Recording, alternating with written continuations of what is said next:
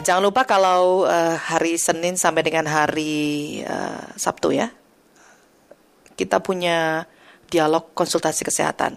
Jadi kalau Anda yang selama ini punya problem kesehatan itu bisa berkonsultasi langsung dalam dialog layanan kesehatan. Ini merupakan kerjasama Fakultas Kedokteran Universitas Indonesia dengan Radio Republik Indonesia. Jadi Senin sampai dengan Jumat ya Anda bisa bergabung melalui telepon uh, dengan topik yang sangat beragam. Nah, pagi ini saya akan berbincang bersama dengan Dr. Dr. Yana Paulin Tamba, SPB, SUB, SPPEDK dari Departemen Ilmu Bedah Fakultas Kedokteran Universitas Indonesia tentang invaginasi. Apa itu invaginasi? Bagaimana penanganannya? Seperti apa deteksi dininya agar ini tidak kemudian menjadi semakin parah? Kami akan membahasnya lebih jauh dalam dialog kesehatan FKUI dan Pro 3 RRI. Dialog Kesehatan. Dokter Dokter Riana Paulin Tambah, apa kabar? Salam sehat. Sehat, terima kasih banyak. Selamat pagi. Selamat pagi. Ya, uh, dokter, kalau dengar kata invaginasi, mungkin kemudian kita mengait-ngaitkan dengan um, apa selama ini kita sering mendengar istilah vagina. Tapi invaginasi ini kan tidak ada kaitannya sebenarnya dengan vagina. Atau bagaimana? Supaya ini kita persepsinya sama dulu ya. Tolong dijelaskan dulu dokter. Invaginasi itu sebenarnya apa? Kaitannya dengan gangguan pada usus kalau nggak salah ya sebenarnya ya. Betul. Aha, silakan dokter Yana. Ya, terima kasih. Selamat pagi semua pendengar. Nah, jadi invaginasi ini atau ada yang menyebut juga infection. Eh, saya berusaha mencari bahasa Indonesia tetapi saya tidak dapat. Oke. Tapi barangkali bisa dijelaskan. Jadi ini adalah salah satu kelainan pada uh, saluran cerna. Jadi Hmm. gampangnya itu adalah bagian usus yang sebelah uh, sebelah yang lebih dekat ke mulut itu masuk ke bagian bawah, ke bagian usus Oke, juga. Jadi Dokter Yana, usus- eh, tahan dulu sebentar. Kami tidak bisa mendengar suara Dokter Yana dengan jelas, agak terganggu oleh suara seperti layaknya suara getaran. Eh, sebentar. Oh, Oke, apakah sekarang Nah, lebih sekarang lebih jelas. Siap. Oh, Oke, silakan Dokter Yana. Tadi mungkin pakai headset ya dok ya? Saya pakai masker. Oh pakai oh pakai masker. masker. Oh, mohon maaf. Terima kasih terima Ya. kasih. Baik, sekarang sudah Ya. jelas dokter. Ya, jadi eh, ada bagian usus yang masuk ke usus yang bagian besar. Jadi usus itu kan satu satu satu rongga yang panjang, nih, salur saluran yang panjang. Nah, oleh karena suatu sebab yang bagian atas itu bisa masuk ke bagian bawah, jadi kayak ngelipat gitu loh ususnya. Hmm. Jadi itu barangkali gampangnya itu seperti itu. Oke, jadi ketika bagian usus menyelinap ke dalam bagian usus di sampingnya, Bukan di itu- sampingnya, di- bagian dari dia juga. di bagian dari dia juga. Oh, Jadi biasanya itu bagian usus yang mana kan? Kalau usus itu ada usus besar, ada usus kecil. Ini usus yang mana biasanya, yang dokter? yang paling sering adalah usus kecil masuk ke usus besar Hmm, yang paling gampang Oke, yang paling banyak sorry bukan paling gampang yang paling banyak Mhm. cuman bisa juga dari usus kecil masuk ke usus kecil atau usus kecil usus kecil kemudian masuk ke usus besar bisa juga oke. Ini berdasarnya eh, kalau begitu sebenarnya ini kondisinya kondisi gawat darurat ini dok kalau sampai ini ya terjadi. betul sekali betul betul sekali Aha. betul. Biasanya ketika ini terjadi apa yang dikeluhkan oleh pasien dokter? Yang paling banyak itu biasanya dia anaknya itu biasa tenang-tenang tiba-tiba dia jerit-jerit kesakitan Hmm. kemudian dia tenang lagi. Nggak lama mulai lagi jerit-jerit lagi. Nah itu biasanya yang yang yang yang, yang paling sering kita temukan. Setelah itu karena sudah terjadi biasanya bisa juga ada muntah-muntahnya bisa ada perut kembungnya. Hmm. kemudian eh, bisa juga ada seperti buang air besar ada darah dengan lendirnya Ini memang rata-rata terjadi pada anak-anak dokter. Ya, pada anak-anak. Yang paling sering itu 5 sampai 9 bulan. Dan anaknya dan bayinya harus sehat. Bukan bayi-bayi yang kurang gizi gitu. Enggak, bayi sehat justru. Oke, terjadi pada bayi sehat dan itu adalah pada anak-anak Ya. usia 5 sampai 9 bulan. Eh, Yang paling banyak ya. eh, paling banyak ya kasus yang ditangani. Penyebabnya apa ini? Sehat-sehat kok ternyata ada invaginasi terjadi. Iya, eh, penyebabnya itu eh, yang paling banyak tidak diketahui. Artinya gini, Hmm. tetapi memang dihubungkan dengan eh, kan di usus itu ada jaringan istilah kita jaringan lipoid namanya gitu ya. Yap. Nah itu jaringan itu akan membengkak pada saat ada misalnya ada musim flu, musim diare, nah itu bisa membengkak. Nah itu biasanya pada saat itu dia mulai terjadi, mulai ada ada kita mulai bisa lihat bahwa oh, ini regenerasi mulai datang nih. Gitu ya. Hmm. Tapi penyebab pastinya itu hanya ter, bukan hanya uh, terjadi penebalan pada yang saya katakan tadi jaringan limfoid. Jaringan itu seperti jaringan untuk pertahanan diri gitu ya. Yeah. Nah itu, itu akan membengkak. Nah itu. Okay. Memang ada penyebab-penyebab yang lain, misalnya polip, misalnya eh, apa namanya eh, pengganasan, tapi tidak sesering pada anak-anak ya, tidak sesering yang tidak diketahui ini. Gitu. Hmm. Ya. Kalau pada kasus yang dokter banyak tangani, itu lebih pada banyak uh, bayi, laki-laki uh, atau perempuan. Pengaruh atau tidak itu ya? secara secara kalau kita lihat di literatur bacaan memang laki-laki lebih banyak daripada perempuan. Oh. Gitu. Jadi secara uh, secara epidemiologi memang betul laki-laki lebih banyak daripada perempuan. Hmm, baik. Tapi mungkin terjadi pada orang dewasa tidak ini dokter? Bisa, bisa, bisa, bisa sekali. Walaupun jarang ya, sekali lagi penyebabnya kan macam-macam. Yeah. Salah satu adalah keganasan, kemudian ada polip. Nah itu kan bisa terjadi pada orang dewasa juga. Oh polip tumor gitu ya? Oh, iya, iya. iya. Oke, okay. baik. Nah, dari problem invaginasi ini, karena ini adalah kondisi yang darurat, tadi dokter sudah tegaskan soal ini, bisa ditangani atau bisa dicegah tidak? Kita mulai bicara soal penanganannya dulu. Kalau sudah invaginasi, bisa ditangani atau tidak? Oh iya, pasti dong. Uh, dengan cara seperti apa itu? Penanganan pasti. -huh. Jadi gini, penanganannya ada dua macam cara. Yang satu non operatif dan satu lagi operatif. Non operatif itu uh, jadi bagian yang sudah masuk itu kita dorong, hmm. misalnya memakai cairan atau memakai udara dari anus kita dorong ada ada tekniknya kita bilang uh, uh, reduction, jadi bisa pneumatic reduction, bisa enema reduction itu. Hmm. Tetapi itu belum tentu berhasil. Jadi kalau misalnya itu tidak berhasil, maka kita akan pindah ke yang operatif. Hmm. Oke, operatif ya kita lepaskan. Kalau operasi berarti apa ditarik supaya keluar dari itu ya? Iya, kita lepaskan. Bukan ditarik, didorong nggak boleh ditarik. Kalau ditarik dia, dia rusak, rusak. Apa bahasanya bukan ditarik ya? Didorong. Didorong ya. Oh, Oke. Okay. um, jadi tidak uh, apa namanya tidak ada opsi lain. Tadi opsi pertamanya adalah tadi lewat uh, didorong tadi. Okay. Iya. Kemudian opsi keduanya adalah itu operasi. Ada syaratnya ya? Ya. Ya itu ada syaratnya. Jadi tidak semua bisa bisa oh ini didorong nah, enggak semua jadi ada syarat-syarat ya gitu. lihat kasusnya dulu ya betul hmm. tergantung hmm. kasusnya baik tapi most uh, apa kebanyakan yang dokter tangani itu dengan tempuh pakai cara yang mana yang berhasil ini um, kadang-kadang mereka pasien-pasien itu datang bukan pada saat awal-awal hmm. jadi kadang kita tuh agak susah uh, apa namanya uh, melakukan uh, reduction secara uh, apa melakukan reduction atau apa pun itu karena keadaannya sudah lanjut gitu ya. Nah tetap dan juga tidak semua tempat bisa mengadakan bisa melakukan ini pada saat emergensi ini kan perlu perlu orang khusus kan untuk melakukan gitu kan. Hmm. nah itu juga kadang-kadang tidak tersedia yang seperti itu. Jadi kalau dibilang lebih banyak yang mana akhirnya lebih banyak yang operasi Hmm. Gitu. Oke, okay. operasi besar ini. Ya, semua operasi pada anak adalah operasi. iya, mana tega kita ya kalau lihat anak-anak dioperasi. Pasti, Aduh, ya. pasti, pasti, pasti kalau itu. Nah, itulah makanya kalau bisa tolong pada uh, pada apa gejala-gejala awal hmm. sehingga ini bisa dilakukan gitu ya di pneumatic reduction atau air reduction atau apa pun lah gitu. Yuk kita kenali gejala awalnya. Jadi kalau misalnya anak sudah mulai menunjukkan gejala apa saja kita perlu waspada dan menduga bahwa itu adalah invaginasi. Iya. Ya. Jadi yang pertama adalah nyerinya itu hebat dan itu bisa dikesakitan hebat hmm. itu hilang. Itu berulang. Ya. Nah itu kalau udah berulang kayak gitu jangan tunggu gejala lain tolong deh segera ke dokter. Hmm, seperti misalnya gangguan BAB dan sebagainya itu salah satu gejala bukan dokter? Belum, ya, belum, belum, belum. Oh. Biasanya per saat awal belum, hmm. karena itu kan dia baru mulai, baru mulai masuk kan. Nyerinya yang nomor satu. Hmm. Gejala kedua adalah kembung, karena dia sudah mulai kesumbat kan, karena ada yang menyumbat usus. Yeah.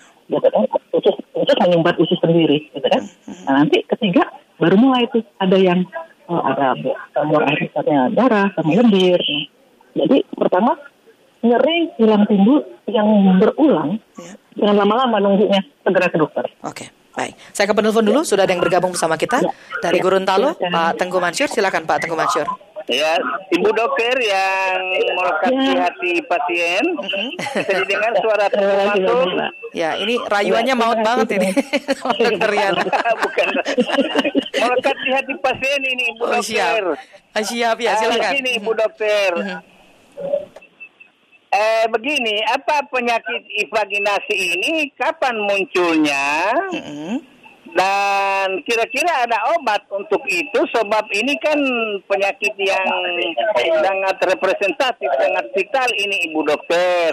Oke. Dan kemudian untuk 34 provinsi, apakah dia sudah menjalar di 34 provinsi, sudah tertular nalas di 34 provinsi? Mak, terima kasih Ibu Dokter Baik. yang berhati Ya, mulia. terima kasih Pak Teguh Terima kasih banyak Bapak. Ya, jadi Terima kasih Pak. tegaskan lagi bahwa invaginasi ini adalah jenis penyakit yang gimana? Menular atau tidak? Silakan, eh, Dokter Yana. Ya, ya invaginasi Mhm. bukan penyakit menular ya Pak. Jadi eh, seperti yang saya katakan dia akan eh, lebih banyak terjadi ketika sudah musim batuk pilek, sudah musim diare. Nah itu biasanya kita mulai temukan. Ya, Eh, kalau ditanyakan apakah ada obatnya, kalau kita yang dikatakan obat adalah yang kita minum, maka bukan itu obatnya. Hmm. Eh, bukan itu penanganannya, jadi bukan obat ya penanganan. Kalau obat kan biasanya konotasi kita adalah kita yang kita masukkan ke mulut, ke konsumsi atau dimasukkan lewat pembuluh darah. Nah, bukan itu penanganannya. Baik. Gitu. Oke, Eh, dokter ada pesan WA sudah masuk, ada juga pendengar yang bergabung, tapi saya minta waktu jeda dulu sejenak ya. Kami punya informasi yang berikut untuk pendengar. Ya, tetap bersama kami dokter. Kilas Berita. Kilas Berita. Pendengar, mulai hari ini PT MRT Jakarta memperpanjang waktu operasional, yakni pukul 5 hingga 23 waktu Indonesia bagian Barat. Hal ini dilakukan seiring penyesuaian pemberlakuan pembatasan kegiatan masyarakat level 2 di Jakarta. Corporate Secretary Division Head PT MRT Jakarta, Randy Alhial, menjelaskan, Penyesuaian jadwal operasi ini merupakan tindak lanjut dari keputusan Kepala Dinas Perhubungan Provinsi DKI Jakarta nomor 251 tahun 2022. Dan pendengar sementara waktu operasional sarana transportasi pada masa PPKM level 2 ini adalah di jam 6 sampai 23, di mana sebelumnya waktu operasional MRT hanya sampai pukul 22 lebih 30 waktu Indonesia Barat.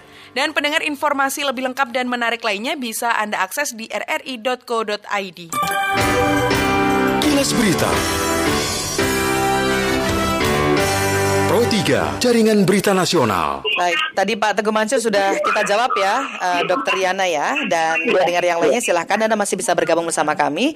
Dialog kesehatan kita pagi ini membahas tentang invaginasi bersama Dokter Yana Paulin eh, Tamba. Anda bisa bergabung bersama kami melalui telepon di 021 384 4545 atau 021 386 6712. Pak Teguh Mansur insya Allah tadi sudah terjawab. Ada juga pertanyaan dari pendengar, eh, apakah ini karena anak terlalu banyak aktif bergerak sehingga terjadi invaginasi. Ada juga yang tanya, ini berarti apakah usus lengket ya dokter?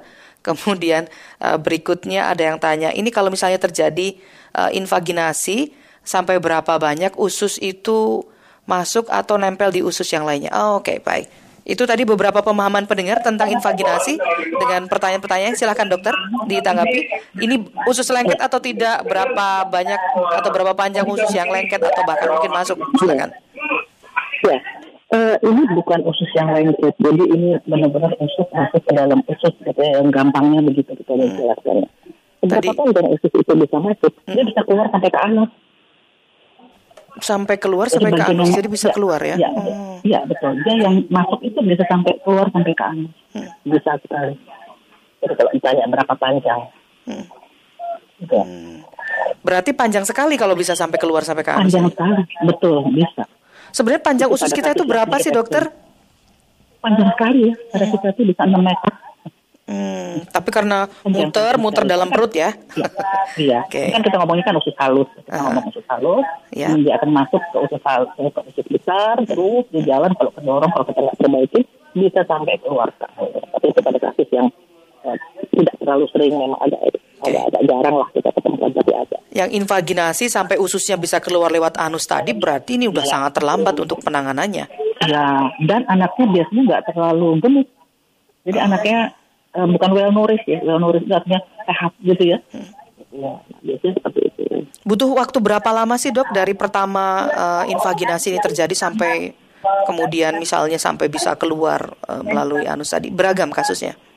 Beragam, beragam, dan memang tidak terlalu sering itu. Jangan sampai kita ketemu yang kayak gitu, gitu. Jadi maunya sih udah masuk baru masuk. Kita Tapi pernah tahu. dokter eh, penanganannya Pernah. seperti apa yang kayak? Pernah. Heeh. Seperti sama, sama dengan cara invaginasi. Cuman ini satu keluar lewat anus, yang satu nggak sampai keluar lewat anus.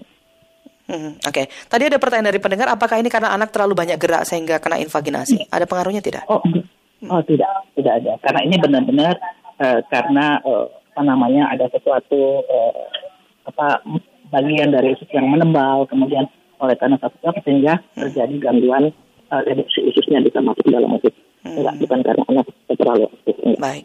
Ada juga yang bertanya, ini ada kaitannya dengan kanker usus atau tidak, dokter? Ini dari pendengar kami, silahkan ditanggapi dulu, dok. Eh, si- si- kalau misalnya si kanker usus itu ada di dalam usus, Hmm. dia bisa menjadi eh, penyebab untuk terjadinya invaginasi. Tetapi kan pada anak, kalau kanker usus itu kan hampir jarang banget, apalagi pada bayi-bayi ya. Ya. Gitu. Pada orang dewasa mungkin bisa. Kalau dia ada di dalam usus, Hmm. masih mungkin terjadi. Baik. Ada pertanyaan soal kalau misalnya sudah terjadi, apakah bisa terulang kembali? Mungkin apa istilahnya? Mungkin kalau punya riwayat invaginasi gitu ya, Ya. kemudian bisa muncul lagi begitu. Ya, silakan dok. Ya, recurrent istilahnya. Ya, Kembali recurrent. lagi, Oke. recurrent. Hmm, kalau misalnya dia eh, terjadi pertama, kemudian kita eh, tata laksanai dengan Hmm. memakai eh, non operatif, atau tata laksana non operatif, kejadiannya kejadian recurrent itu lebih besar daripada kalau kita lakukan operasi secara operasi melepaskannya secara operasi Hmm, baik, baik. gitu. Nah itu terjadinya berapa lama? Kalau yang manual reduction itu atau redak, eh, yang reduksi tanpa operasi itu bisa terjadi beberapa, beberapa jam setelah tindak- tindakan kita bisa terjadi. Jadi ada kemungkinan untuk kembali lagi. Baik. Nah, kalau gitu sekarang sekaligus ke eh, pertanyaan berikutnya. Ini ada hubungannya dengan kalau misalnya ada keluarga yang eh, eh, invaginasi, apakah anaknya juga kemungkinan? Oh, faktor turunan mungkin ya. Pertanyaannya maksud, maksudnya begitu. Ada tidak faktor riwayat keluarga bisa berpengaruh pada anak kena ini juga? Eh, eh, enggak. Jadi gini, Ya, oke. Memang ada di literatur bapaknya pernah, anaknya pernah, tapi bukan genetik. Jadi kemungkinan ya kebetulan aja sama-sama pada pada pada keadaan yang sama, ada infeksi, eh, ada eh, apa namanya gangguan eh, di saluran cerna, ada gangguan saluran pernapasan, kemudian jaringan limfoidnya membesar, maka kemudian terjadi. Jadi bukan bukan genetik ya, bukan genetik, tapi kejadian itu pernah, bapaknya pernah, anaknya pernah, ada itu. Ada. Ya, cuman mungkin case by case aja ya, eh, dokter ya. Ya, kasus-kasus tertentu. Baik. Ya, Iya. jadi supaya anak-anak kita sehat tidak eh, terkena karena tadi penyebabnya kan kadang bisa sangat beragam, maka sebenarnya apa yang bisa kita lakukan untuk mencegah agar anak tidak terkena invaginasi ini, dokter? Ya, sebenarnya pencegahan tidak ada. Oke. Tetapi yang paling penting adalah bagaimana kita bisa mengenali gejala awal. Karena tidak semua anak-anak dengan batuk pilek, anak-anak dengan dengan eh, dengan eh, kelainan apa infeksi saluran cerna terjadi eh, invagi- eh, invaginasi. Sehingga yang pertama adalah saluran cer- eh, bagaimana gejala awal itu tadi yang saya katakan. Kalau dia udah nyeri hebat, hilang, nyeri hebat, hilang, hilang tuh benar-benar hilang dan dia bisa main seperti biasa. Itu dia jerit lagi. Nah, itu tolong segera ke dokter. Itu pesan Oke. saya. Baik, Eh, dokter terima kasih sekali sudah berbincang bersama kami di Pro 3 RRI untuk dialog kesehatan kali ini, dokter Yana Paulin Tambah. Sehat selalu ya dokter. Terima kasih, selamat siang. Ya, sampai jumpa lain kesempatan. Demikian tadi perbincangan saya bersama Dr. Dr. Yana Paulin Tamba, spesialis bedah dari Departemen Ilmu Bedah yang sudah membahas tentang invaginasi. Kenali ah, tadi gejala-gejalanya, deteksi dini akan lebih baik agar penanganannya bisa lebih cepat dilakukan. Dialog Kesehatan.